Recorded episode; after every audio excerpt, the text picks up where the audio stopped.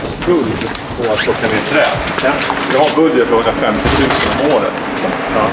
Och våra träd är rätt dyra att montera ner.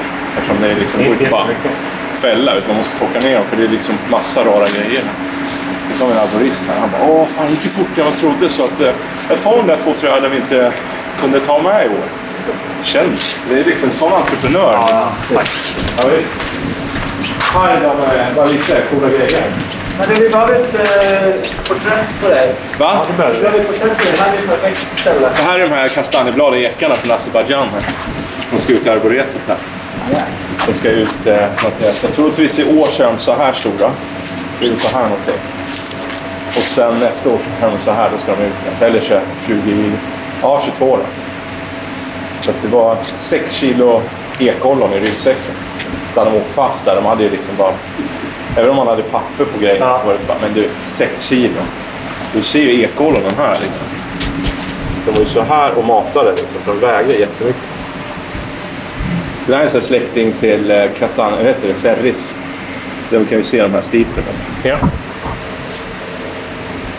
Men vad heter den? Quercus Kastanjefolia. castanifol? Ja. Och det är den som är... eh, Alltså det som finns i odling är typ bara en kollekt eller kanske två från Iran.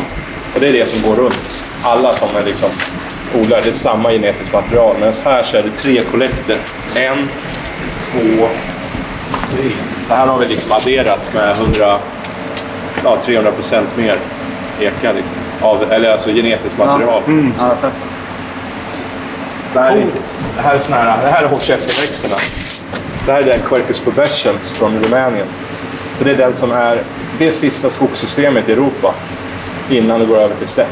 Så det är det sista som kan bilda någon typ av skoglig vegetation innan det blir för jävligt. Ja. Så det här är liksom Europas stil. Så du ser här, de, är, de står rätt gott där inne. Så de bara fuck it, jag är vintergrön i år. Men alltså i Oj, kalla vilken- klimat så släcker de den fällan. Känn på den. Det var liksom... Ja, det är kartong. Ja.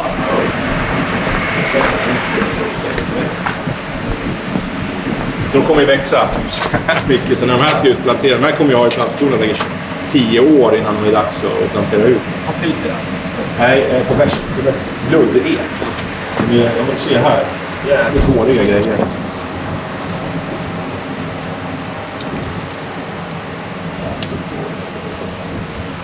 Coolt. Ja, en kvot till nästa.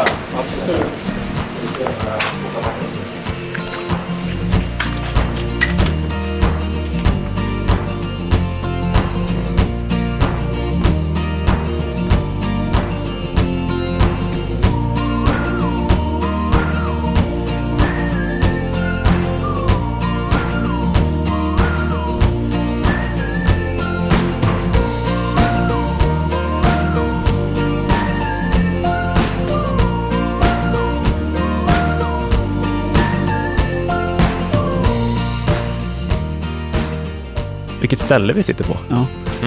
Det här är, eh, det här är kunskapshjärtat på Ja. botaniska. Det luktar till och med kunskap. det, Jag, skulle ja, det, säga, jag skulle säga att det sitter något i väggarna. Liksom. ja, men det är lite instängt, lite unket här. Men det ska det nästan göra i sånt här Ja. gammalt eh, bibliotek. Vi får inte glömma att ta lite kort här inne tror jag. Nej. Ehm, när vi har ställat undan vår studieutrustning. Precis. Ehm, Vi har ju eh, tagit oss till Göteborg mm, och vi har fått bokat en tid mm. med dagens gäst. Mm. Henrik Sjöman, Ja, vetenskaplig intendent Mm. Sug på den. på Göteborgsbotan. Ja. Pang! Ja. Vad kul! Ja. Så kul att få komma hit. ja, men ni är välkomna. Alltid välkomna hit. Absolut. Och vi har vädret med oss. Vi har kört hit idag. Vi har frusit. Ja, precis. Så ni som var vakna på Instagram såg väl vår Vart är vi på väg? Mm. Ehm, nu är det, när det här sänds så är det väl det några veckor sedan då. Men I och för sig. har ni ändå fått eh, indikationer på vart vi var på väg? Ja, men med den här precis. Det är ingen sån brandkårsutryckning här på morgonen när det är så här kallt. Nej, det är rätt lugnt så här års. Men grejen är att nu, nu pågår rätt intensiva planering för säsong. Vad som ska göras, vad som ska prioriteras. Och sen har vi lite så här generationsskifte här på Botan. Så det är rätt mycket nya rutiner som ska sättas. Och det är nya regelverk som vi måste förhålla oss till och sånt där. Så det är sådana grejer vi reder ut så här vintertid. Men eh, trädgårdsmästarna, de, de går ner i varv lite så här års faktiskt. Och sköter om utrustning och så. Just det. Just det. Ja. Vad gör en vetenskaplig intendent? på Mm. Botaniska Eh, Göteborg. Ja, på engelska heter den eh, Scientific Curator. Och curator, det är att man kurerar samling, kan man säga. Så det man gör, det är att man... ta- Botaniska trädgård hamnar lite som eh, under samma kategori som museum. Det vill säga att vi, vi har en samling som vi visar upp och kommunicerar. Men vår samling är levande grejer som måste tas hand om och eh, kräver en, eh, kanske en annan skötsel än vad eh, traditionella museum gör. Så en intendent har ansvar för samlingen. Eh, och här på Botaniska så är vi fyra intendenter med fyra olika ämnesinriktningar. Så min inriktning är ju vedartade växter, dendrologi, träd och buskar. Allt som har med lignin kan man säga. Eh, och framförallt så för mig så är det ju tempererat växtmaterial, alltså utomhusväxterna. Så jag har inte så jättemycket med det vedartade inne i de tropiska delarna där. Nej, det brukar lite bli sån uppdelning, känner Ja. jag spontant. Alltså, Ja, det, det räcker till liksom, Ja. att man har att göra liksom, och kunna. Eh, men sen handlar det om som intendent att dels ta hand och vårda den eh, samling vi har, men samtidigt utveckla samlingen. Och här på Botan så heter vi vetenskaplig intendent, så vi också har ett ansvar att eh, eh, forska och eh, skapa någon typ av kunskapsutveckling kring det eh, växtmaterial som vi ansvarar för. Så därför jobbar vi rätt mycket med kunskapsutveckling kring, i alla fall för mig, då, vedartade växter och växtmaterialet som vi har i vår samling, men också väx- växtmaterial som vi vill addera till vår samling. Hur länge har du varit här? Eh, sex år, så det är inte så länge, men eh, sex år har jag varit här. Ja. Och eh, jag jobbar inte heltid här, utan jag har ju min tjänst på Sveriges lantbruksuniversitet kvar som forskare och lärare där. Just det. Så det är lite växelvis. Ja, fast eh, man gör nästan samma jobb på båda ställena, så det går i, i varandra rätt mycket faktiskt. Ja. ja. jag, jag tror att många, alltså de flesta som lyssnar här känner nog till ditt namn. Man har, om inte annat så har man hört det i P1 också. Ehm, Men de flesta förknippar nog ditt namn faktiskt med en väldigt välanvänd bok. Mm. Träd i urbana landskap. Eller en bok, ett bokpar ska man väl säga, med stadsträdslexikonet där också. Ja, alltså, det är ju en bok. När jag och Johan skrev den så var det ju en bok, men det Ja. var bara att sista kapitlet vart eh, lite för stort, 800 sidor eller någonting. Så därför fick det väl en egen volym så att säga. Ja. Men hur, hur gick det till? Liksom? För att I och med att den används så flitigt så det fanns ju verkligen ett behov av den boken. Eh, men hur kom det sig att just ni tog det steget att göra det här? Liksom? Bakgrunden är att vi, vi har snackat, när vi studerade på Alnarp, vi bodde ju liksom i, i samma korridor och spenderade väldigt mycket helgerna ute och kollade Alnarpsparken. Så vi har ju trädintresse. Så vi, snack, vi köpte ju mycket böcker och hetsade varandra. Liksom, har inte den boken, ska du inte köpa den? Jag köper den till dig. Så vi hade liksom samlat på oss massa böcker och börjat snacka om att eh, den optimala trädboken borde ha den här perspektivet också. Men varför har de inte det här? Och så vidare.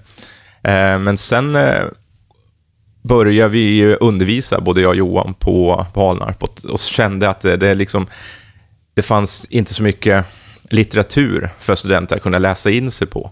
Vi eh, liksom, de fick ladda ner massvis med artiklar, man kopierade bokkapitel lite här och var.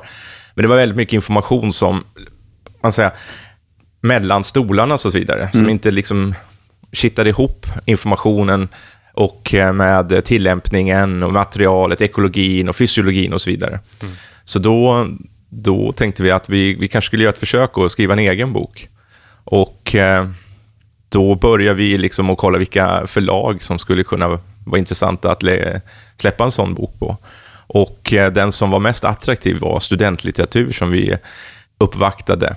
För anledningen varför vi ville vara studentlitteratur, det är just att de jobbar med läroböcker som uppdateras var femte, sjunde, tionde år. Just för att vara liksom uppdaterad läro, eh, lärarlitteratur. Och det är attraktivt också att kunna få ett kontrakt med en, en, eh, ett förlag där man också kan få möjlighet att kunna uppdatera en bok. För att det händer ju så mycket i vårt ämne med träd och urbana träd. Mycket ny kunskap och erfarenheter som är nytt och sen kanske efter tio år så har vi lärt sig att det var inte på det sättet. Så det är nya upplagor på gång. Absolut, så det är inte på gång, men vi har ju liksom eh, efter, eh, ja snart, eh, nu är det ju, vad blir det, fem, sex år. Eh, så vi pratar ju mellan sju och tio år så ska en ny komma ut. Eh, mer uppdaterad och, och sen är det ju kapitel som vi inte hann med, som vi ska ha med nästa gång och så vidare. Så det är helt klart. Vad använde du för böcker när du pluggade? Vad, vad, vad, liksom, vilken var din träd i urbana landskap? Vilken var din sån, mest nötta bok när To du go pluggade? to liksom. Ja, min, min, min förebild, det var ju Tone Etzelius, eh, trä, eh, Boken om träd. Ja. Den är, den är alldeles, alldeles fantastisk. Den eh, har ju lite odling i sig, men har väldigt mycket det här som jag beundrar och tycker är väldigt viktigt. Det här med han har ju varit ute och rest mycket, sett hur sakerna växer i sina naturliga miljöer. Och Det gör att man förstår varför man inte lyckas, eller varför de är svåra, eller varför de beter sig på ett sätt. Eh, för naturen har ju format växterna på ett sätt som gör att lyssnar man inte på det så, så får man mycket jobbigare att jobba med växterna. Man jobbar mot dem i vissa lägen där. Så Tony Ceros hade ju det perspektivet, pratade om hur mycket hur de växte i naturen. Så det, det var ju väldigt, väldigt inspirerande. Så det, är liksom, det var ju den som låg på bredvid sängen där man mös, pös, läste Jag lite. kan ju säga till många lyssnare där ute, om ni har den här boken så kan ni ju skatta er lyckliga. Ja. Den går för ganska höga belopp Ja. på eh, begagnat marknaden idag. Ja, Det var helt omöjligt att få tag i ett tag, men nu Ja. börjar ju en del komma ut på andrahandsmarknaden genom att eh, det är en generation här som går ur tiden. Så då, då frigörs de här böckerna. Och förhoppningsvis är det barn och barnbarn som fattar värdet och inte bara kastar dem. Men det är lite som man säger på Antikrundan, sälj den inte. Nej, Nej. Skulle jag vilja säga. Ja, precis. Men ja, vi har ju träffat, jag och Anton har ju träffat Junior. Mm. Han äger ju faktiskt rättigheterna. Så Ja. jag tänkte att man skulle försöka, Ja. kan du inte bara släppa den på nytt? Fatta vilken kioskvältare liksom. Ja. Tror jag. Sen är det ju liksom 58. Ja, det är klart. den, så Det har ju hänt saker sedan dess. hänt jättemycket namnsättning och kunskap och så vidare. Men den, det, det håller ju, absolut. Men om vi ändå pratar om Tornit Celius. Här vid entrén Mm. till Göteborgs Botaniska så står det ju Sorbus ullungensis. Mm. Ehm, och det är, ju, ja, det är de vi eh, kallar dodong då, idag. Ja, men, men. Precis. Ehm, men det här var ju, det är väl, om jag har förstått rätt, det här är ju några av de första fröerna som man Ja, tog till Sverige. Så det det är är, ju riktigt. innan namnsorten dodong var Ja, färdig kan man det är säga. Ehm, men det är kanske, det är ju en av de sakerna som han är mest berömd för. Liksom. De, Ja, sug på, bet, äh, så, vad heter det? Sorbus. Nej. Spirea betulifolia Tor. Ja, Den är ju det. världskänd. Liksom. Ja. Den är, säljs ju i miljoner ex. Liksom. Eller har gjort det i alla fall. Men, men de här fröerna, det har ju han hittat på. Mm. Här.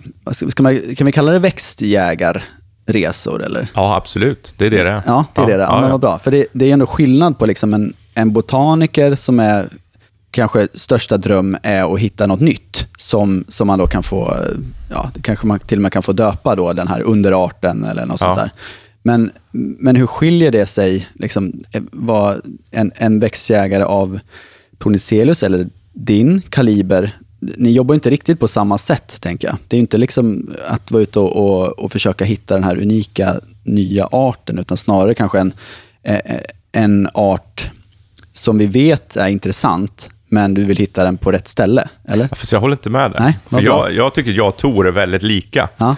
Eh, för Tor, han var ju inte botanisk skolad i Mm. botten. Inte, det är inte jag heller. Eh, utan han var ju hortikulturellt. Eh, det var ju hans eh, liksom, grund han stod på. Mm. Och sen har han ju varit tvungen att anamma botaniken, precis som jag gör. Eh, så när han, han var ju väldigt formad av krigsvintrarna. Mm. Att det var mycket av det hortikulturella växtmaterialet som dog eller skadades allvarligt. Han insåg liksom att det är ett jävla skitmaterial vi har odlat fram tills nu. För svenskt perspektiv. Vi måste liksom få in. Så han var ju väldigt tidig med att åka runt i världen och, och försöka få tag i material av kanske inte de mest exklusiva arterna, men av bättre typer. Då pratar vi om provenienser. Eh, och Kan du förklara lite kort för lyssnarna? Ja, provenienser är ju till exempel en art som har ett, vi kan ta tulpanträdet i eh, östra USA, som växer ifrån sydöstra Kanada ända ner till Florida. Det är en art som har en sån gigantiskt utbredningsområde och förekommer förstås allt ifrån det subtropiska norra Florida till det kalltempererade uppe i eh, Kanada. Och att odla, för svenskt perspektiv så är det inte ens på tanke att vi kan odla den eh, Florida-typen av den arten, utan det är ju förstås den från Kanada eller nordöstra USA som är vettig för oss, som har eh, anammat klimatet där den har evolutionärt växt upp eh, i generationer och som matchar vårt svenska klimat. Så det är ju proveniensen som är viktig där. Och det fattar ju han, att försöka hitta de här eh, lite härdiga, nordliga typer, kallare typer av eh, allt ifrån bergskörsbär till rönnar och katsure till exempel, som vi har i Sverige nu, Frökälla Göteborg, som är härifrån, som Tor hittar en väldigt nordlig typ av katsura, som nu är pålitlig långt upp i landet. Där. Så det, det är sådana grejer som han var väldigt tidig med. Så han hade ju hortikulturen eh, de glasögonen på sig tidigt. Och det är väl lite det jag också har när jag planerar och eh, åker runt och samlar växter i världen, att försöka hitta inte bara ett härligt material, utan också ett material som kan ha egenskaper som kan möta framtida utmaningar, såsom ett framtida klimat, där vi kanske har kalla vintrar, men vi kanske har varmare, torrare somrar. Och då måste vi inte bara titta på provenienser, utan måste kolla, titta på ekotyper, alltså eh, typer av en art som ju härstammar från ett specifikt ekosystem. Till exempel mm. om jag växer på en solig sydslänt, där jag exponeras mycket värme och torka, en snabbare upptorkning jämfört med om jag växer på en nordsluntning där det är svalt och fuktigt för ett framtida klimat, för varmare, torrare innerstadsmiljöer, då är det ju den från sydslänten som är. Så det är också där man inte bara proveniens, utan ekotyp som är intressant. Mm. Så mycket av det här växtjägeriet handlar ju mycket om att försöka hitta ett genetiskt material som är rustad för det vi har idag, men också det vi ska kanske få möta i framtiden. Vi ska också lägga till en sak. Det är faktiskt så att ditt, din anställning som du har nu, den har ju också Tor haft. Precis, så vi har ju, det är liksom det är ju skithäftigt. Han har ju alltid varit min stora idol. Jag har aldrig träffat honom eh, personligen, han aldrig göra det, men jag har ju läst allting och, eh, som han har skrivit och väldigt inspirerad av honom, mm. formad av honom, så det är ju rätt häftigt och hans tjänst. Liksom. Mm. Mm. Det, fanns ett pussel du började lägga när ni, ni skrev boken och ja. sen så... Nej, det var inte meningen, men det var bara blivit så här. Men det, det är gött. Ja, det är ju fantastiskt. Men, äh, ja, nu är det ju din tur att skina. Ja, nu, nu kör Nu har jag... Men, men du, du har ju varit på en del eh, växtjägarresor. Mm. Vart i världen har du varit med liksom rent sån riktade växtjägarresor? Äh, grejen har jag, jag har ju haft fördelen att bott eh, i olika delar av världen. Jag bodde ett år i Kina, jag har bott i ett par år i USA, jag har bott i perioder både i eh, Tbilisi, alltså Georgien, och i östra Rumänien. Så har jag liksom haft möjligheten att bo där och då har man ju samtidigt eh, lärt sig eh, de här miljöerna, men också att passa på att samla här. Så det där har varit riktade insamlingar, men vi har också varit med i till exempel i Azerbajdzjan, mm. eh, nere på Balkan har vi också gjort riktade. Så att vi har varit lite överallt faktiskt. Hur börjar det då? Hur går det till? Ja. Eh, det är väl inte så att du sitter och snurrar en jordglob och så tänker du att dit ska jag åka? Så var det säkert förr. Liksom. Men, men nu, nu, är det liksom helt annat. Nu, nu är det ett helt annat reglemente än vad det var på Tors tid. För då, då var det verkligen så här, kolla jordglob, läsa lite klimatdata och sen är det boka biljett. Mm.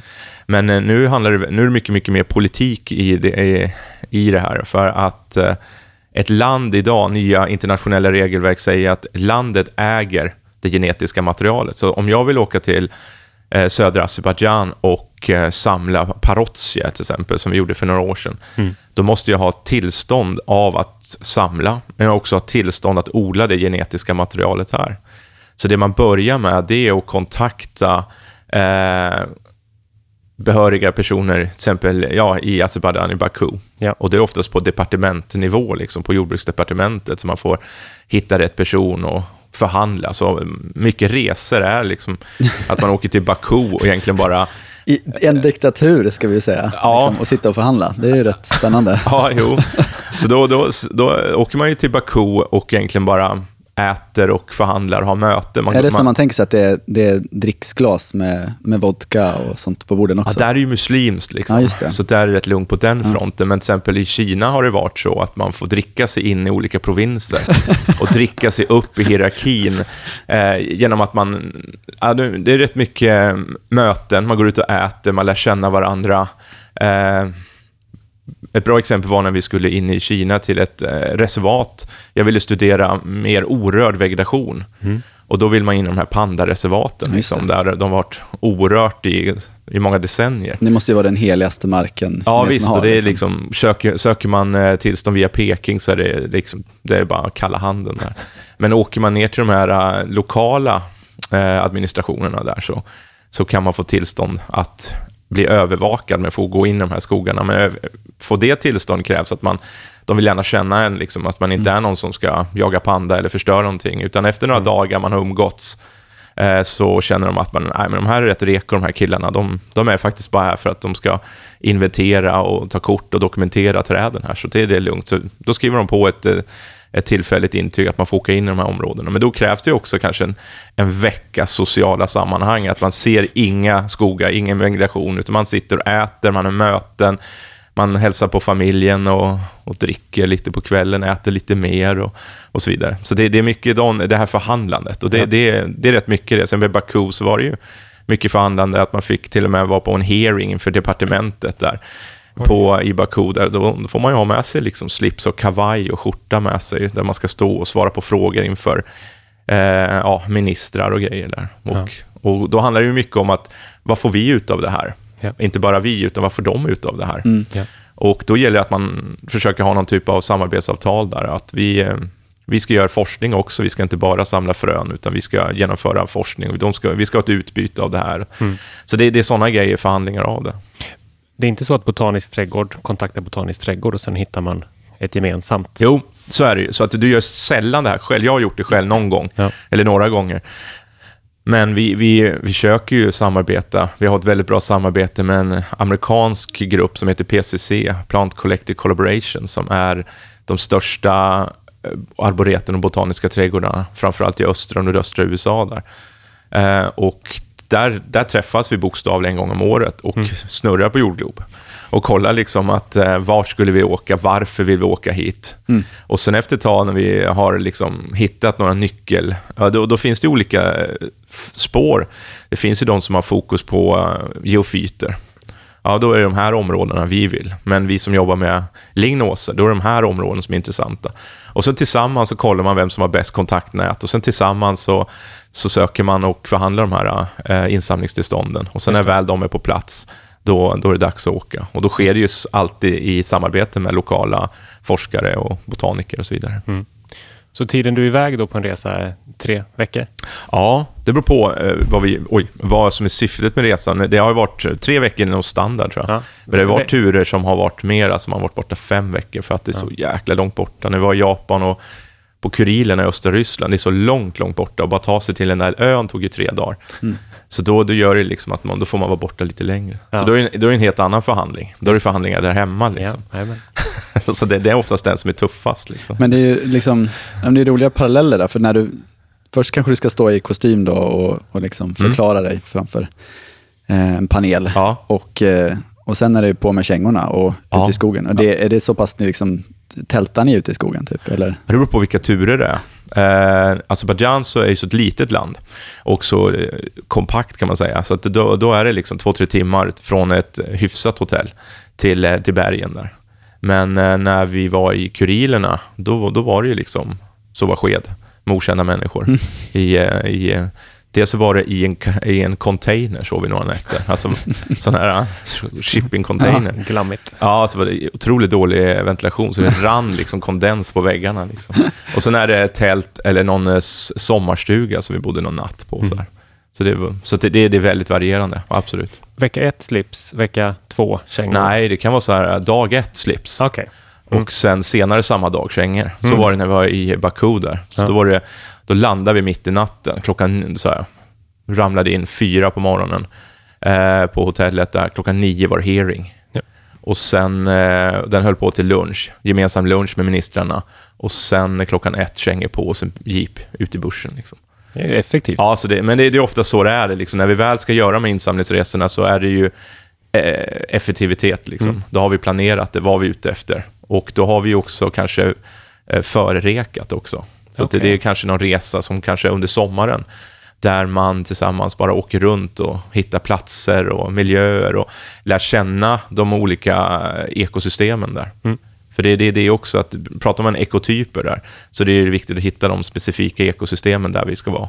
Och sen kör man någon GPS på den punkten. Så när det väl insamling, den kan vara väldigt effektiv. Mm. Och den ligger i sen höst, eller tidig höst? Ja, beror på. Ja. Vi var ju och skulle samla kastanjeblad i ek, ekollon. Mm. Och de mognade inte förrän november. Nej. Så det var en sån smash and grab-resa. Liksom. Man, landar, jeepen hämtar ner och då hade vi redan varit där några gånger i ja. Azerbajdzjan på gränsen till Iran. Där. Så då var, visste vi exakt vilka träd det var. Så mm. var det bara rakt ut. Så vi var, det var en sån här fyra dagars så man var lite vilsen där, lite, när man kom hem där. Man, man verkligen hade varit i Azerbajdzjan så kollade man i ryggsäcken. Jo då, det låg ekollonen. Ja, för då finns det också ett syfte att, att se individen som du vill hämta ja. material ifrån. Då kan du få se den en eller två gånger innan egentligen. Ja. Och när det kommer till lignoser, det är kanske lättare när man jobbar med geofyter och örter, för när du samlar vedartade, framförallt träd, så är det ju en, du förbinder dig väldigt mycket. Att det är väldigt mycket tid och pengar som mm. det kommer ta. För att när du tar hem ett träd så ska den gro och sen har vi en trädplantskola här och där ska vi köla den här trädet kanske fyra, fem, åtta år innan det är dags för utplantering. Och när det är väl dags för utplantering så ska vi vattna och sköta om det där trädet i två, tre, fyra år till innan det är väl etablerat. Så mm. ni förstår ju liksom att det är en, det är en jättelång process. Eh, och det, kommer, det tar plats också. Vi kan inte ta hur mycket träd som möjligt. Nej. Så därför måste det vara kvalitet än kvantitet. Så det gäller liksom att ha en väl genomtänkt idé.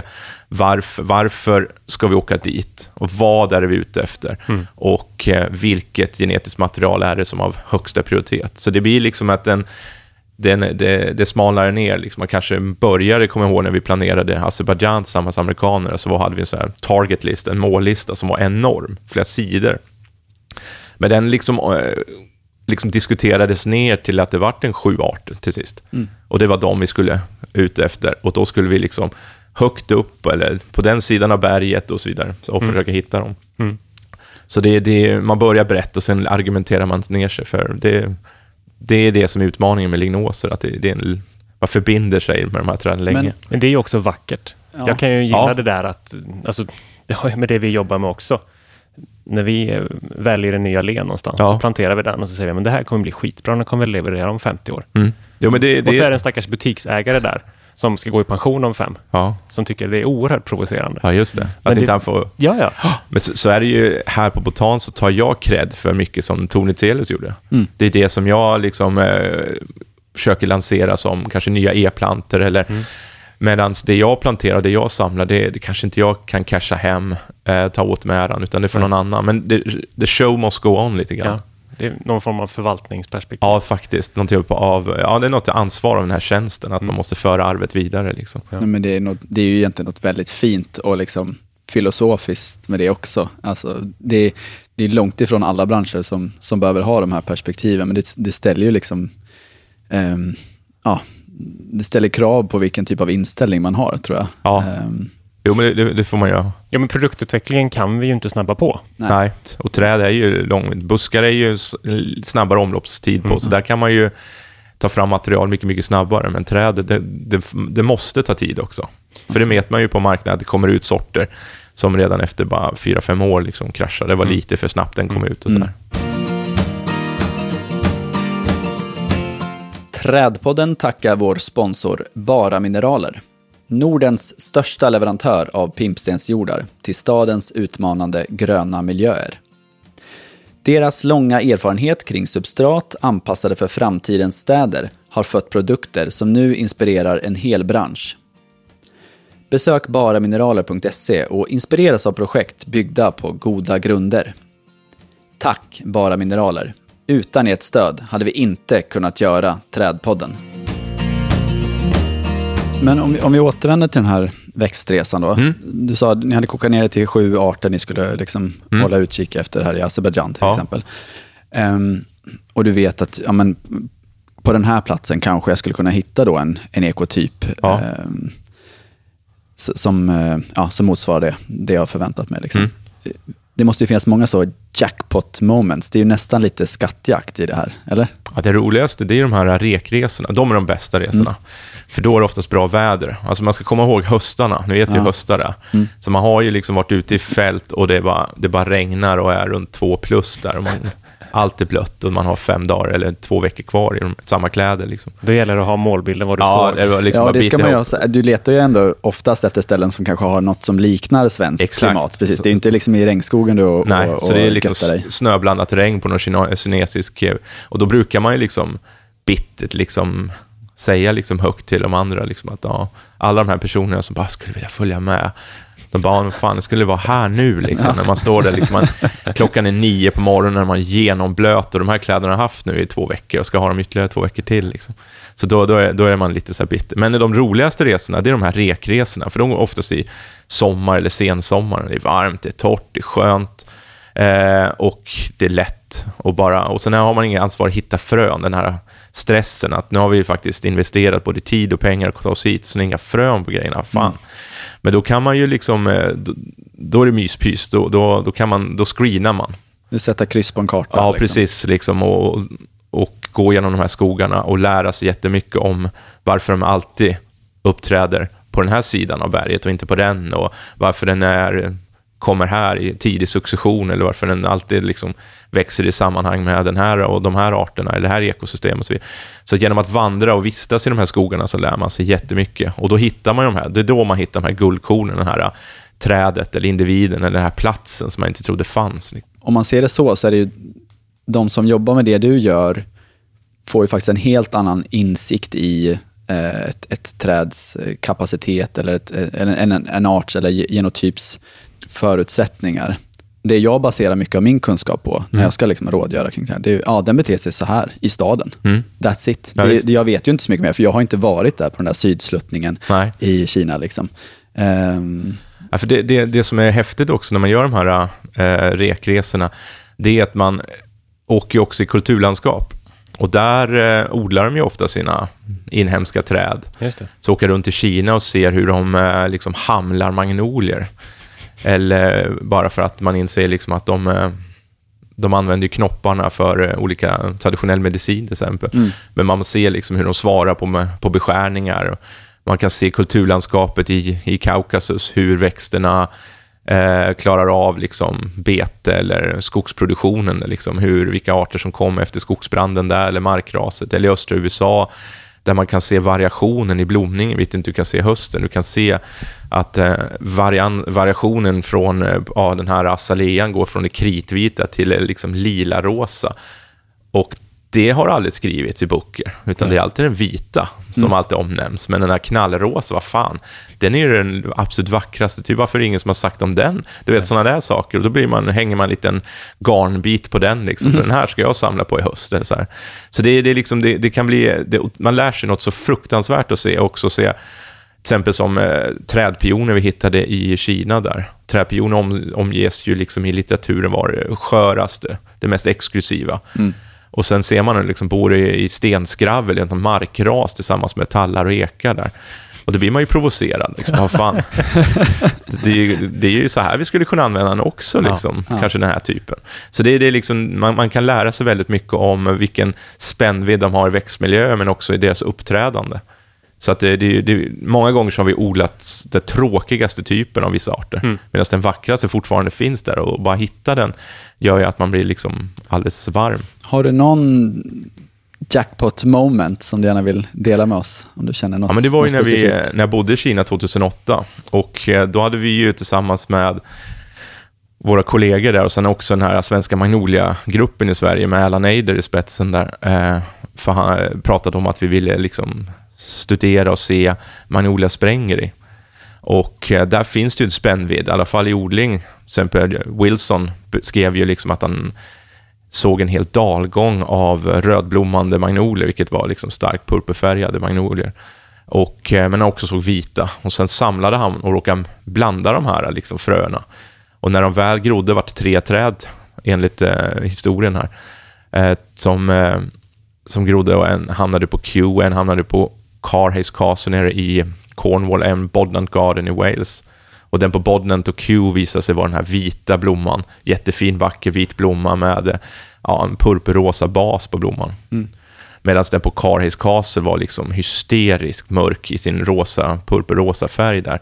Och det som var så fint med den, det var också när den öppnar sig. Många magnolier har ju förmågan att när de öppnar sig så har de inte samma färg på insidan som på utsidan av tepalerna, så de tappar i färg. Mm. Men den här var lika färgad på insidan, så när den blommade och fällde ut sina tepaler så var det bara åh, ännu mer färg.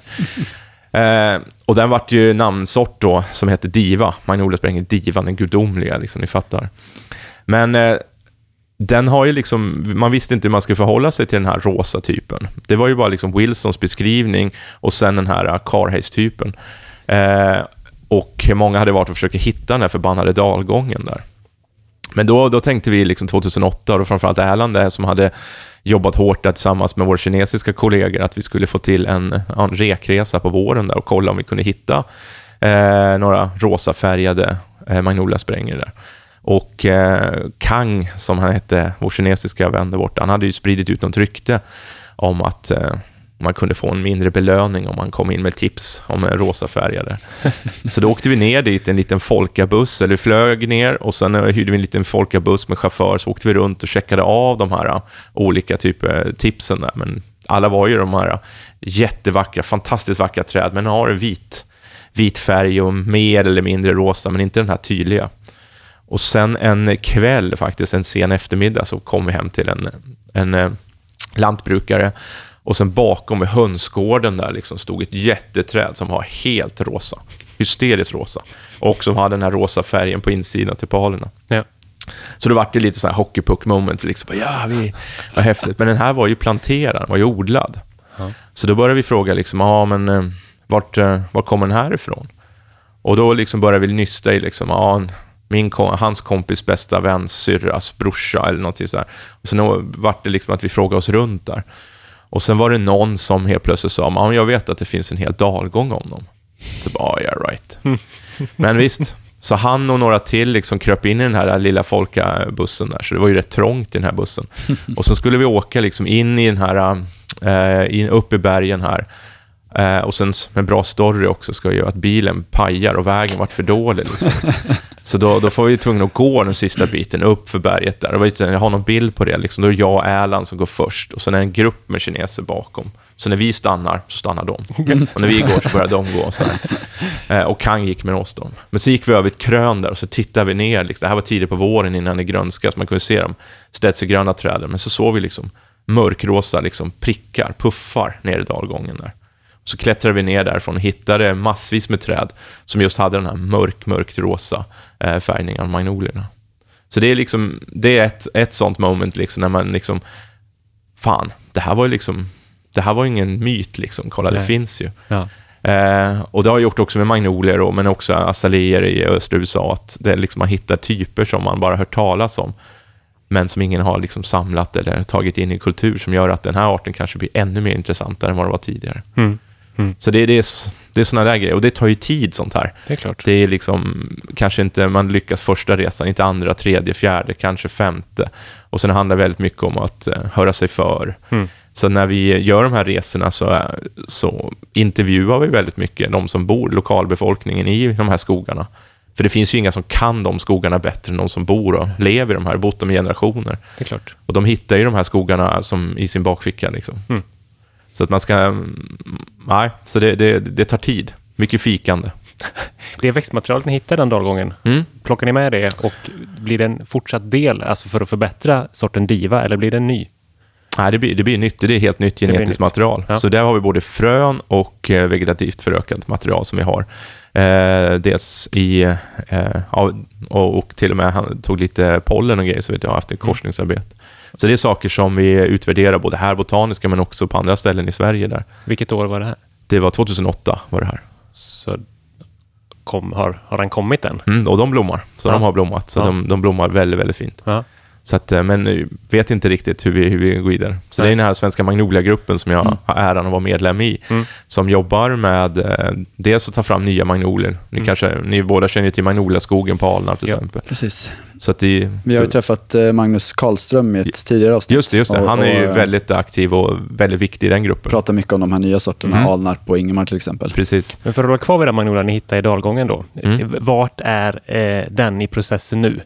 Sitt, när kommer man fram till eh, att välja namn, till exempel? Ja, det är, det är relativt långt kvar. Nu, nu är jag liksom hemma, vi planterar ut dem, vi tittar på dem, de har mm. börjat blomma, så det börjar väl bli dags att kanske beskriva dem. Mm. Eh, och då är det ju eh, då är det dags att välja namn. Mm. Och det, är ju, och det, det, det roliga när man är ute i fält så är det ju många så arbetsnamn. Mm. Som en av magnolierna där som hittade arbetsnamnet Dusty Pink. Bara för att eh, den var precis vid vägen. Och där var det ju eh, fordon från gruvan tror jag, en kolgruva där uppe och som bilar som körde ner så det dammade. Mm. Så den var ju liksom rosa dammig. Liksom. Så arbetsnamnet på den är Dusty Pink. Det var ju faktiskt ett ganska bra namn. Jag tycker bra. ibland att vissa namn är ganska cheesy. Ja, men det finns ju så här, jag var i Kaukasus en eh, vår tillsammans med Henrik Zetterlund och eh, Janis Ryxan från eh, Baltikum där som tittade på Galantus vår. Och då var det ju vissa som har namn av en, jag tror det var något som hette Pissstopp 4. Liksom. för det var det det var. Liksom. Så här, man dricker väldigt mycket vin för att man blir bjuden på vin. Och då är det liksom, nu måste vi stanna och ta en teknisk paus här. Ja. Och så när alla gör det liksom, så är det de som inte är samma behov går ju runt och kollar i dikeskanten. Så bara, kolla, den här var ju fin. Ja, ja vad ska vi kalla den här? Ja, var Pistop 4. Liksom.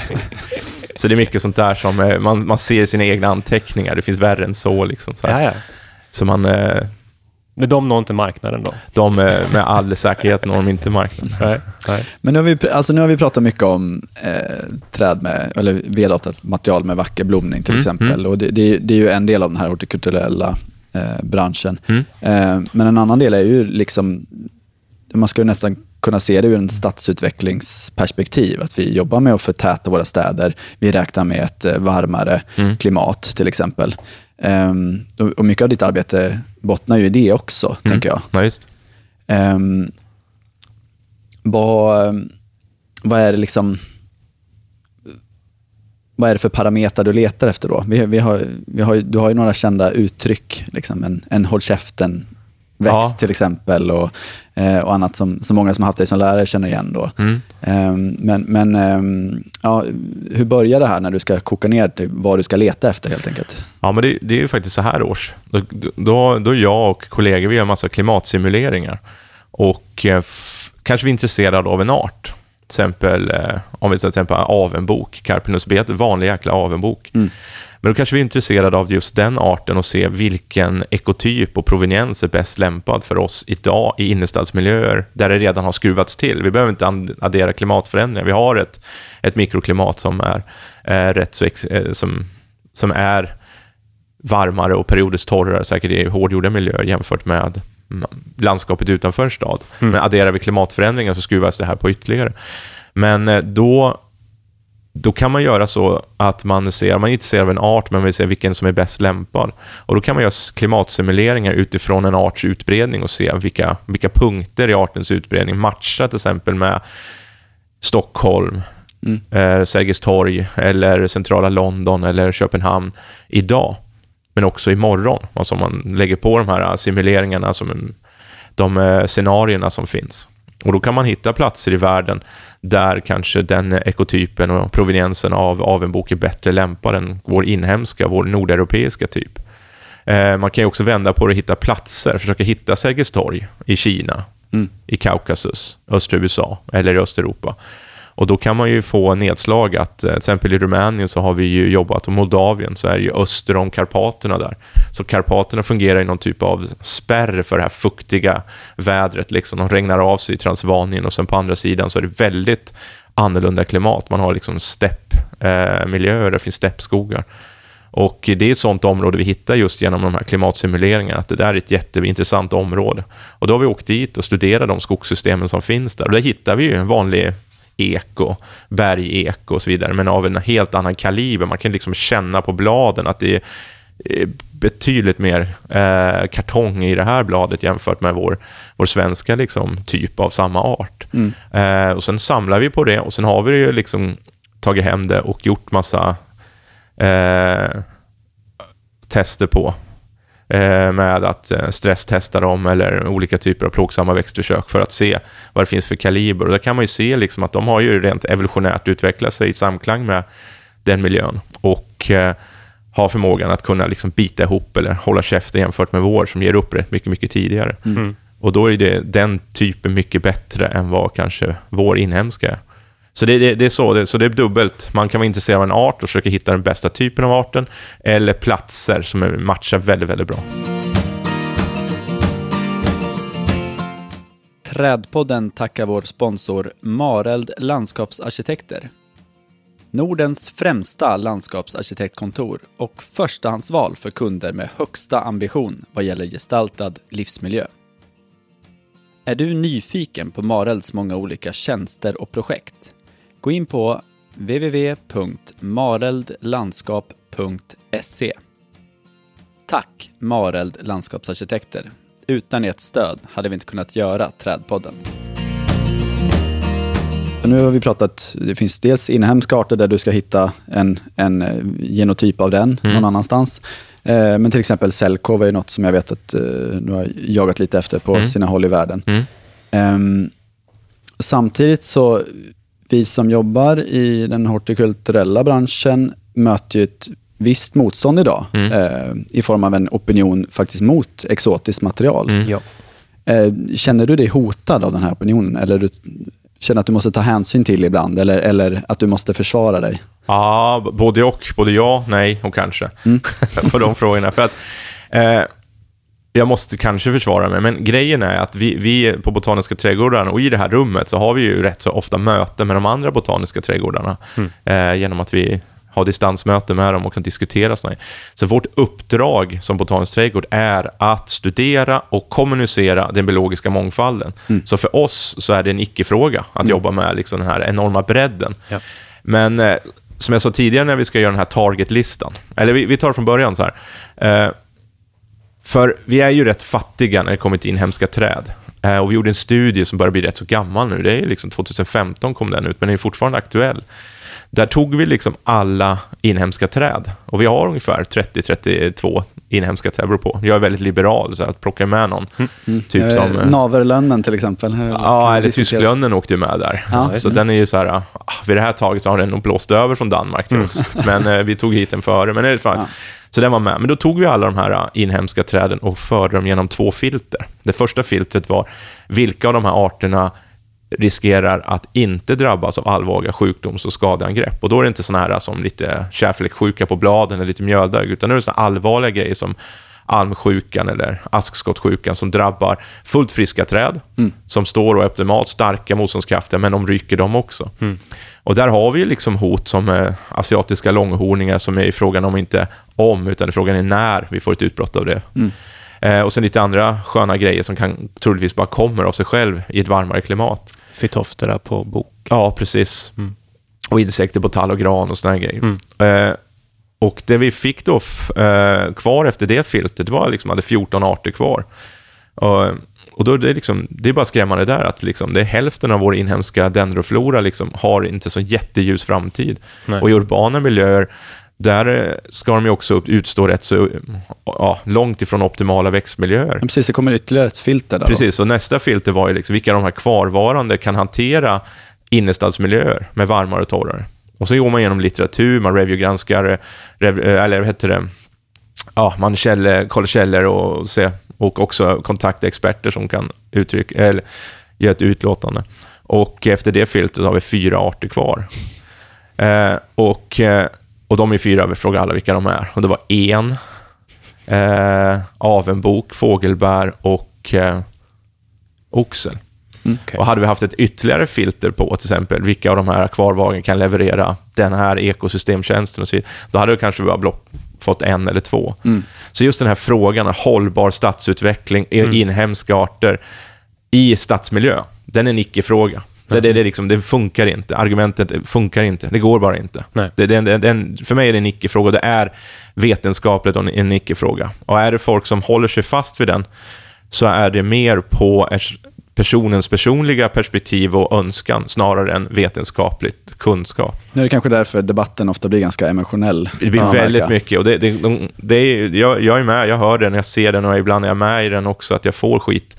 Men det är liksom, jag tycker att den ska vila på en vetenskaplig en kunskapsgrund Absolut. snarare än emotionella känslor och ens åsikter. Någonstans måste vi plocka fram en professionalitet. I. Man fastnar ju ofta där, tycker jag, när det kommer till att ersätta träd.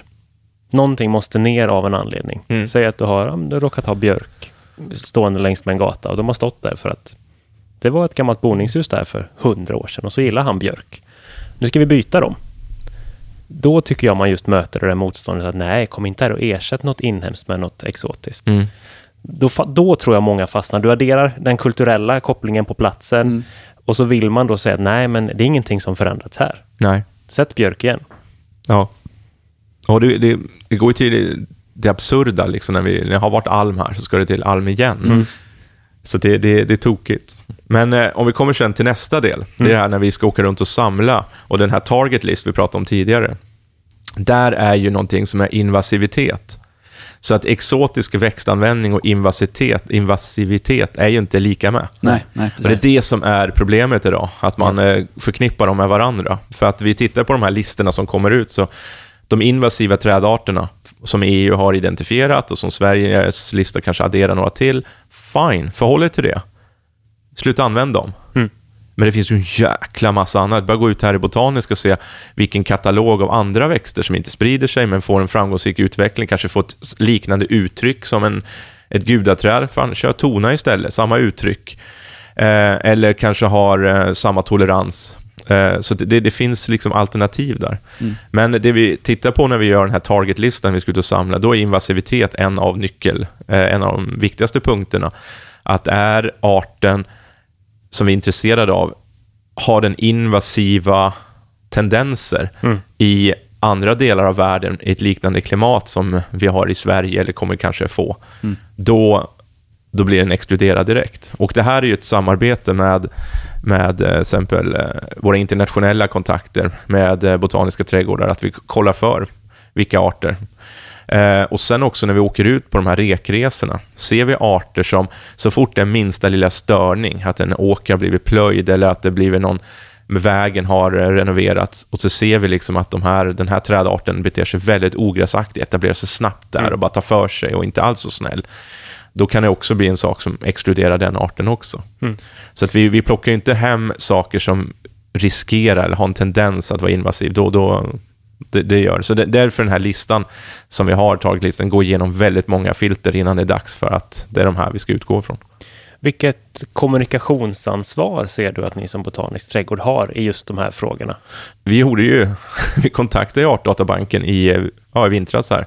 Eh, hade ett möte i det här rummet tillsammans med dem och alla botaniska trädgårdar var med där. Och där var det väl en rätt så syrlig eh, stämning från vår sida, att varför inte vi fick vara med i den här. Mm. För den har kommunicerats väldigt, väldigt dåligt. Ja.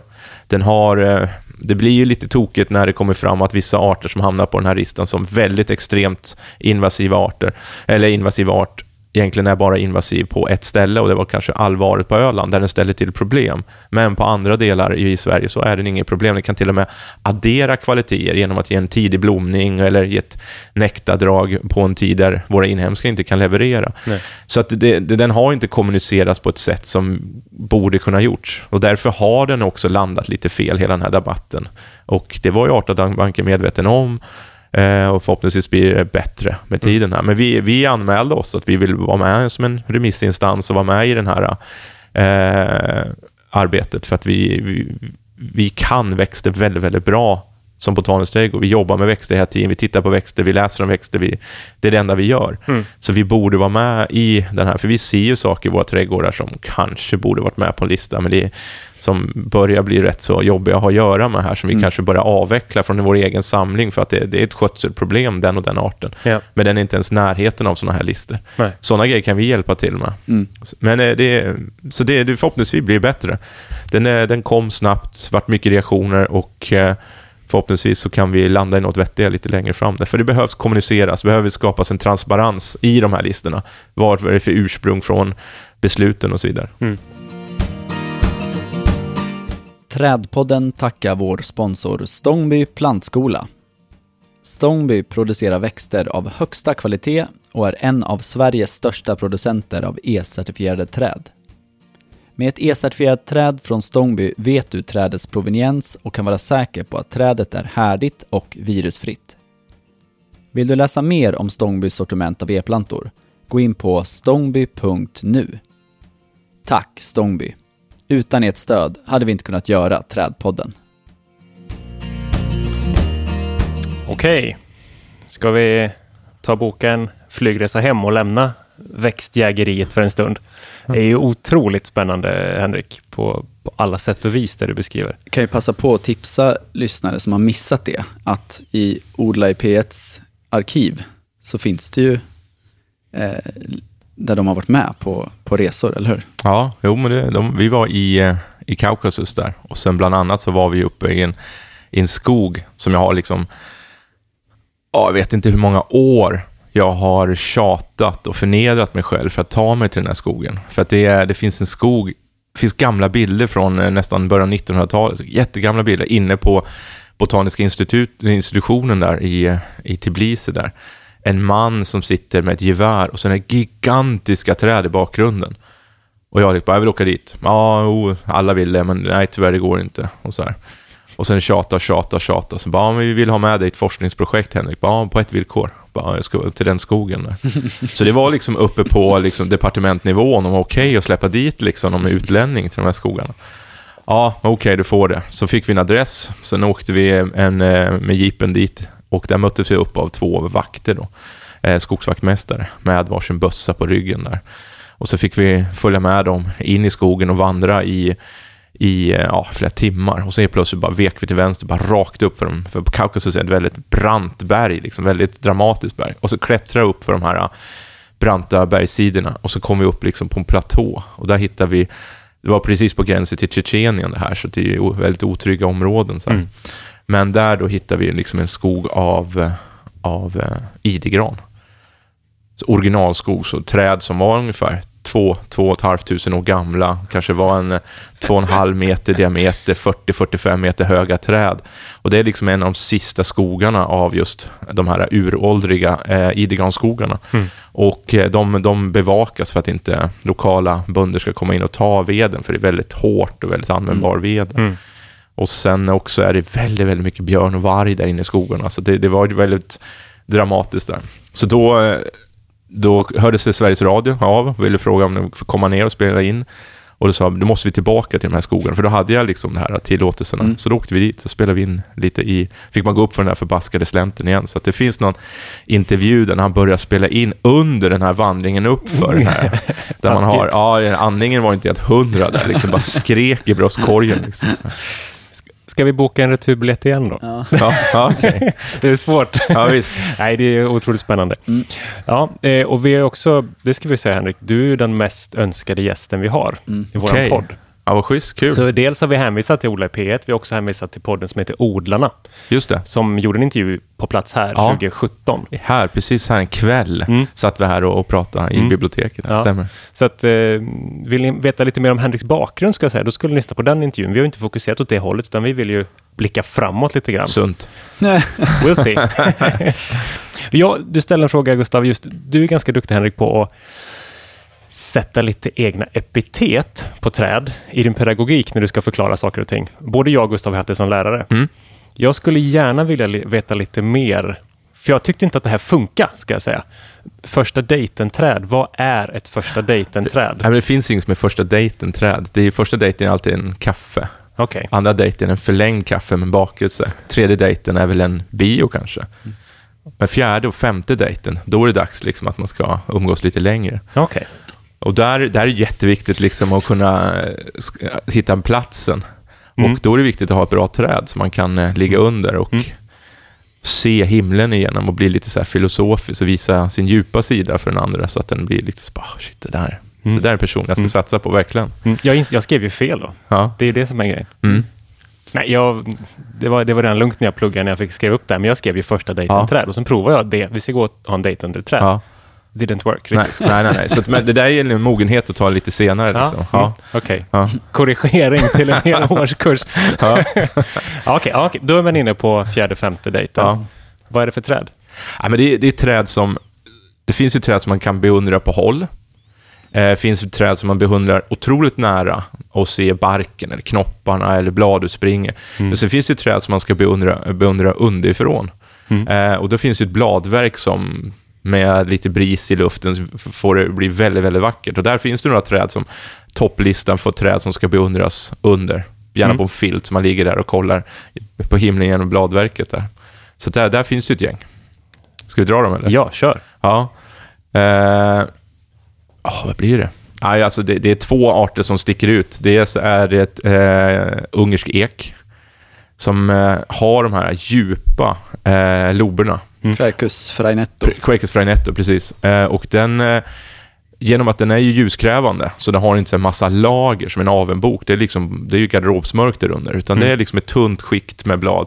Och sen också se himlen genom de här uh, vackra bladen och släppa igenom ett väldigt fint ljus där. Och eh, nummer ett är ju den här tror jag tjatat sönder. Liksom. Det är ju Kentucky kaffeträ, Gymnocleus dioicus, som är den är dubbelt parbladig. Mm. Så det är som att när, ligga under och sen när det liksom går lite vind i kronan, det är som att se kaleidoskop, liksom, när de här små bladen liksom ändrar form och placering mot varandra där. Så det är, så när samtalsämnen under dejten tar slut så kan man ju bara tillsammans ligga där och njuta av ens sällskap men ändå titta på trädet och det här kaleidoskopet. Och förklara dubbelt parbladig. Ja, precis. Ja. Och bli lite ännu mer liksom, ja. imponerad. Ja. ja. Det skrev jag faktiskt. Jag har eh, Gymnokladus som nummer ett på listan, så det fattar jag ju. Men det var ju fel steg i dejten. Ja, alldeles för tidigt. Där. För jag, jag, tror man kan skrämma bort någon och slita ja. med dem till trädet. Nej, jag skrämde inte bort henne. Vi har varit ihop sex år innan och gift oss året efter, så det var lugnt. Okay, okay, okay. Men just den där effekten av att titta nu, jag, jag går på universitet och vill uppfatta mig som lite lärd. nope. Nej. det är bra. All right. ja, vi kom in på Håll käften-träd. Mm. Men jag tyckte du rundade Håll käften-träd lite på något vis. Ja. Men... Om, man, om man tänker så här, om vi har... På vilken ståndort krävs ett Håll käften-träd? Uh, det finns ingen specifik ståndort, utan det är de här resursfattiga eh, habitaten, så att säga. Mm. Där det är en resurser, det är liksom det växterna behöver. Det är näring, det är vatten, det är marksyre, det är solljus. Så när de här eh, faktorerna är begränsade så är det ju ofta specialiserade växter som kan hantera, som eh, idegranen, den har ju en förmåga att kunna hålla käften i mörker. Den är liksom, kan ju hantera garderobsmörker. Den är ju liksom bara, ja, det vart inte bättre än så här i mitt liv, men jag får väl hålla käften och gilla läget. Så finns det ju en faktiskt en mer fysiologisk aspekt, där det finns faktiskt den här uh, hålla käften-attityden. Det är ju, när det kommer till torktolerans så kan man ju lite grovt dela upp växter i de som försöker undvika att hamna i en trist situation. Investerar i stort rotsystem eller investerar i bladbehåring eller blad, mm. eh, vaxlager för att kunna köpa sig tid att inte förlora vätska och komma åt vätska. Mm. Men när de här undvikande strategierna har spelat ut sin roll, det vill säga att rötterna inte kan förse trädet med vatten längre, när det här förrådet av vatten i växten är slut, då är det ner på cellnivå liksom, hur de kan hantera ett negativt tryck i blad och i ved. Och då är det vissa växter som har investerat i tjockhet på cellväggar och sånt där som kan hantera det. Och då handlar det om, liksom, när resurserna är slut, kan inte få då handlar det om hur, hur, hur mycket du, smärta du kan ta. Mm. Hur mycket du kan stå där och hålla käften och bara vänta ut den här varma, torra perioden tills det kommer ett lågtryck med regn och svalare förhållanden. Mm. Där rötterna kan förse, ladda upp igen. Mm. Så det, det, finns ju faktiskt en, en, en fysiologisk del där, där det handlar om hur växter bara kan stå och ta smäll efter smäll, men ändå bara stå kvar och liksom hålla käften. En annan bild av det skulle jag kunna se det som en, någon form av elitidrottsman eller kvinna. Ja. Sista kilometern på 10 kilometers lopp. Ja. Det är det du har byggt hårdhet inför. Ja, ibland brukar jag liksom, det här Charlotte Kalla brukar använda mm. eh, som exempel. För hon, är, är, är det Vargön? Eller vad heter det? Bo, nej, Bosön. Bosön, Bosön mm. de har gjort tester på elit eh, idrottare och det är ingen, tror jag, som spöar eh, Charlotte Kallas värden där. För hon, är, hon var liksom helt outstanding. Det kanske mm. inte är nu, utan det var liksom tidigare karriären. Man är epitetet bäst när det gäller, ja, helt enkelt. Ja, men hon liksom, levererar när det gäller. Ja, men de hade ju liksom kört skiten ur henne där och bara mätt hur, hur hennes kropp, alltså hennes, hennes motor, alltså hjärtat, hjärta och lungor liksom kunde bara ösa på. Mm. Och det var liksom, saknar motstycke mot eh, en, en normal människa. Liksom. Mm. Mm. Och det, det handlar ju liksom, precis som du säger, liksom, vad har de för pump, vad har de för lung, vad har de för cellstruktur som gör att de kan utsätta sig för den stressen och ändå fungera. Mm. Vi hade troligtvis dött liksom. Mm. Vår kropp hade lagt av med den påfrestning som hon mm. låg på. Och det är så det är med växter också, att vissa har ju förmågan att kunna liksom pumpa på Medan andra liksom bara går sönder och pajar och dör mm. helt enkelt. Mm. Hur tror du att ekosystemtjänster har ju vi dels avhandlat i ett avsnitt, förra avsnittet. Mm. Jag var lite inne på det innan, en, en botanisk trädgårds ansvar i att kommunicera vissa saker. Mm. Ytterligare förklara de ekosystemtjänsterna. Jag upplever att det finns en tröskel där. Mm.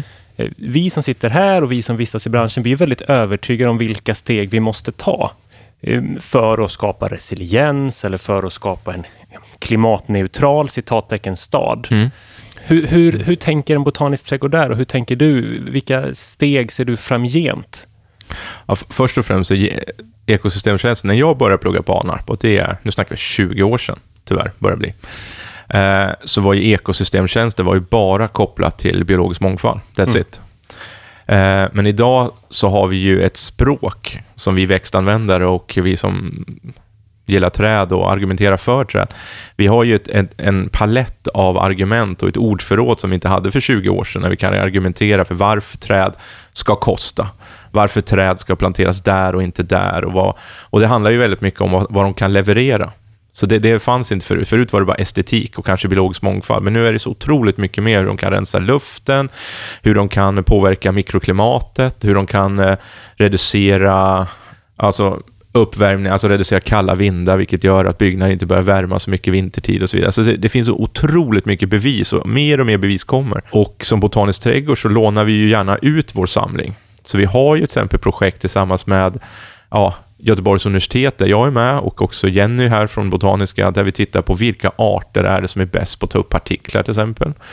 Vi eh, har projekt tillsammans med Göteborgs Botaniska och Q och eh, eh, ja, Sheffield och flera andra och Cornell där vi tittar på olika trädarters eh, kapacitet att klara av eh, översvämningar, vilket kan göra dem lämpliga för dagvattenhantering och så vidare. Mm. Så att vi, den här samlingen som vi har, den är ju väldigt mycket tillgänglig för att utvärdera i de här ändamålen. Och sen också när vi i naturen, när vi gör de här insamlingsresorna, så har vi liksom åkt till eh, de mer extrema miljöerna, till exempel våta miljöer. Vilka träd är det som klarar av periodvis översvämning mm. och kan bli kandidater för rain gardens och så vidare. Så att eh, ekosystemtjänsterna är jättecentralt och det försöker vi vara mer aktiva och det tror jag vi, de flesta botaniska har inte riktigt fattat att vi, vi skulle kunna vara med mycket, mycket mer i den debatten. För att, eh, som vi pratade om tidigare, vi måste tänka resiliens och då är det ju liksom tänka mycket eh, mångfald av arter. Mm. Eh, och kunskapen kanske är kopplad, när det kommer till ekosystemtjänster, till en handfull eller kanske ett, ett 20-tal arter.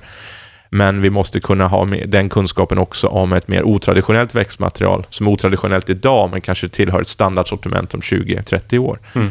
Och där tror jag botaniska trädgårdar är jätteviktiga och bör ta ett ansvar och vara med i den här kunskapsutvecklingen.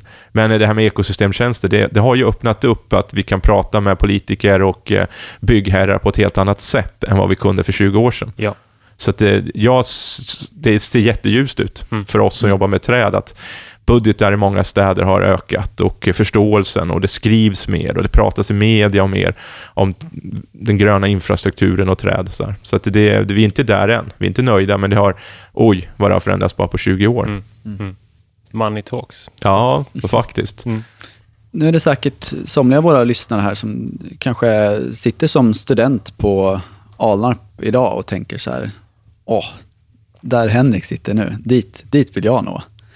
Vad, har du några, några tips? Vad, vad ska man ha för inställning och attityd och, och vad är det som krävs?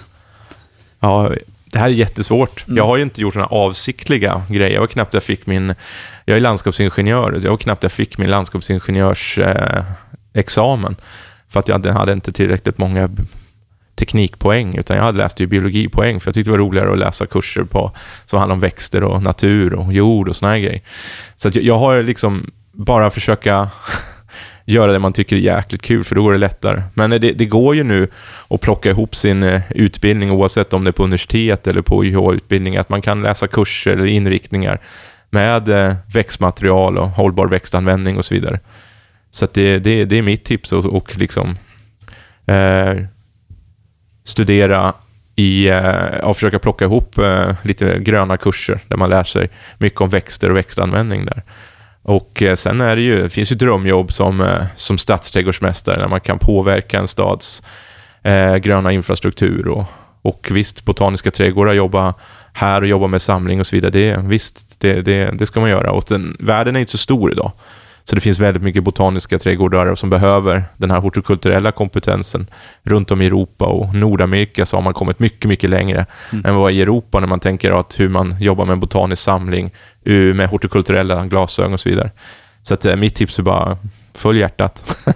läs, eh, läs gröna kurser och eh, gör dig väldigt, väldigt duktig på det. Så mm. tror jag att det löser sig faktiskt. Ja, men jättebra tips. Du, du, har ju talat en del om att du har rest ganska mycket innan du landade på, på de jobben du har. Ja, ja men det, det, det var väl, ja, som student så både ja, på, på SLU där så fanns det som student och det, det gör det inte bara inom SLU utan andra, men är du student så finns det stipendier att söka. Och jag sökte som en galning.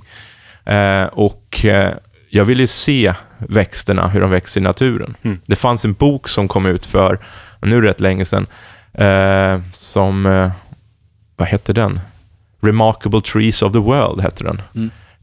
Pakeman, Pateman eller någonting sånt där. Kolla upp den. Mm. Remarkable Trees of the World. Det är en sån här, det är en bilderbok för trädintresserade. Det är bara det är bara godbitar. Men den provocerar mig något så fruktansvärt när jag läste, när jag, när jag fick den. Jag köpte den som student eh, första året. Eh, och såg eh, små, små, små, små människor framför stora, stora träd. Mm. Och jag bara, 17, det, det, det här är inte sant. Det, är bara, det här är ju någonting man har gjort på datorn. Och då var det framförallt de västamerikanska skogarna där. Eh, sånt där provocerar mig. Jag måste också få se och uppleva mm. hur det är att stå och vara den där lilla, lilla människan. Så då sökte jag massvis med stipendier och fick också massa stipendier. Så jag kunde vara borta ja, en hel sommar, åtta veckor. Som jag luffade runt ifrån. Jag landade i Denver och efter åtta veckor var jag uppe i eh, ja, Seattle. Eller, ja, då hade jag varit uppe i British Columbia och sett alla de här skogarna.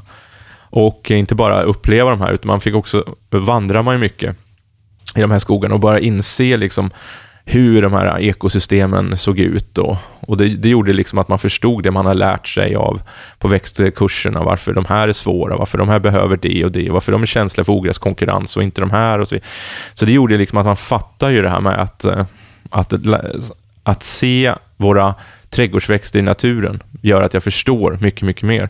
Och då var det lite som en ha-begär, så då sökte mm. man ännu mer nästa år och åkte runt och jag åkte till Tatrabergen i, i Slovakien och eh, åkte runt rätt mycket i östra USA där. Så att det, det är mitt tips, liksom att eh, ut och resa och se de här platserna.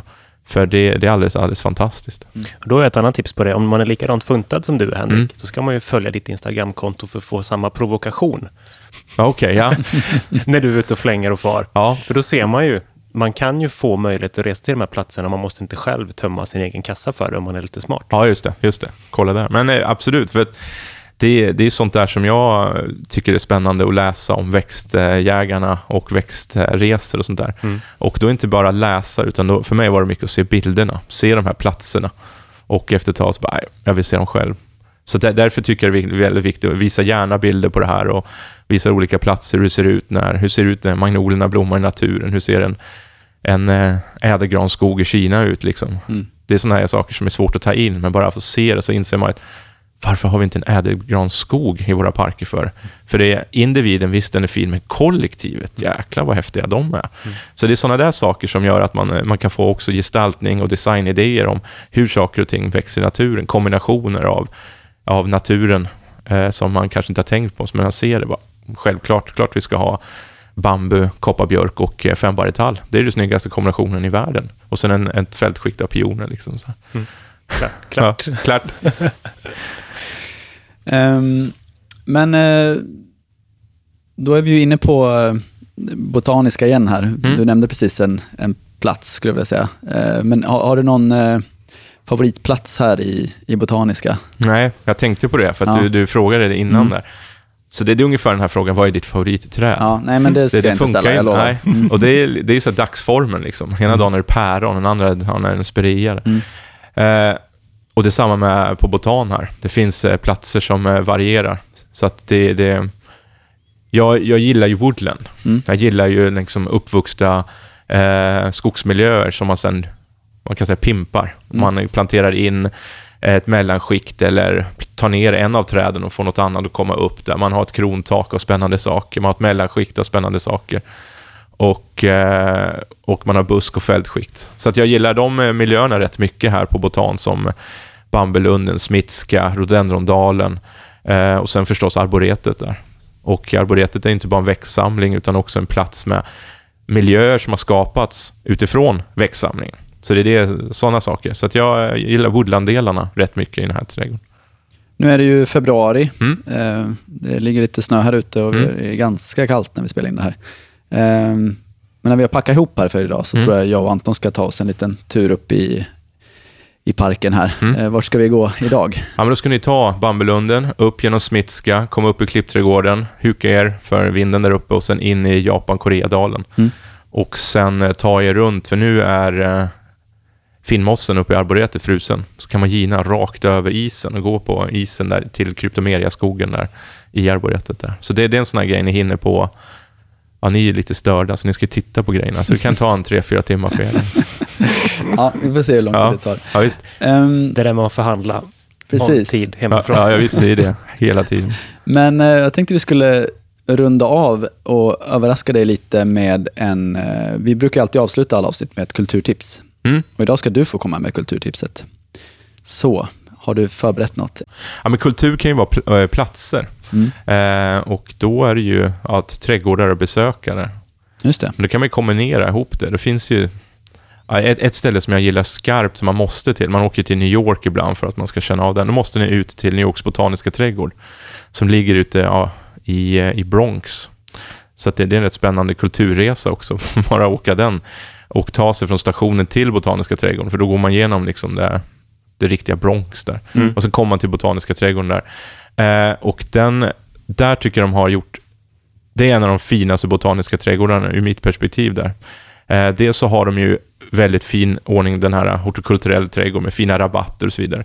Men sen har de också en, en, en del där de har en vild, alltså har försökt att bevara en skog som fanns en gång i tiden eh, på Manhattan, de här östamerikanska skogarna som de har planterat in och gjort lite naturligt där. Eh, så att du har den här, det naturliga, det ekologiska, du har det hortikulturella och sen har de en, eh, en eh, shop som är oerhört dyr när det kommer till böcker. För att de har en fantastisk sortiment så det blir våldsamt dyrt ja. att köpa böcker där. Så, men det är ett ställe, så här kulturställe. Mm. Men eh, jag ska prata litteratur här, så nu är vi, är vi ett bibliotek här. Så jag, jag plockade fram en kategori av litteratur. Mm. För, för just det här att inte bara eh, en bok om eh, granar så får man reda om vilka arter det finns och vilken variation det finns. Men just de här ekosystemen som växterna växer i, de böckerna är rätt så intressanta. Och där finns det ju en, eh, ur ett europeiskt perspektiv, som heter Ellenberg. Eh, man brukar alltid referera till Ellenberg. Eh, vad heter den på svenska? Ecology of Central European Forest heter den. Och nu har den kommit ut i två volymer. Eh, tyvärr så är det Springer som har gett ut dem, vilket gör att det blir jätte, jättedyrt. så gå till biblioteken och kräv att eh, de ska ta in dem, så kan ni låna dem därifrån. Men har ni pengar eller får ett stipendium så köp dem. Eh, men för Europa och eh, Nordamerika så finns det väldigt mycket av de här böckerna som visar ekosystemen, hur arterna växer i sina ekosystem, vilka kompisar de växer ihop med, vilken successionell fas de eh, tillhör eh, skogsbruket eh, och också hur de svarar mot bete, både vilda och tama djur och så vidare. Alltså de ger en helhetsbild av hur arterna hanterar sina naturliga växtmiljöer. Och den typen av litteratur eh, ger jättemycket för eh, vägledning och också inspiration hur man kan använda dem, vart man ska använda dem, vart man inte ska använda dem.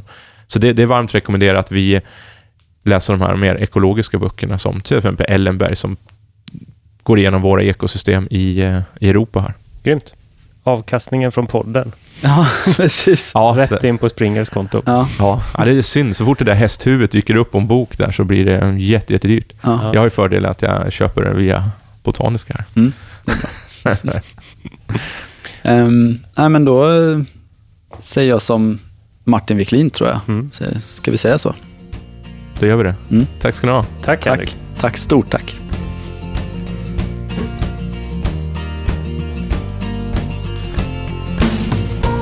Vänta, sätt på er lurarna. Nej, fel håll.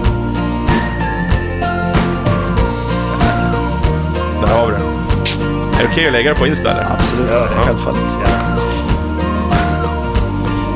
Ja, det här var så kul alltså. Ja. Shit. Men fan, kom tillbaka och eh, prata om konsten att bygga en skog. Ja, det tycker jag. Absolut. Absolut. Hade det varit bra väder idag, nu är det värdelöst, mm. så håller vi på med fyra hektar och bygger en östamerikansk skog från scratch. Mm. Där vi samlade växter 2016 och sen planterade ut spön. Och ja, lite som Tornitelius där.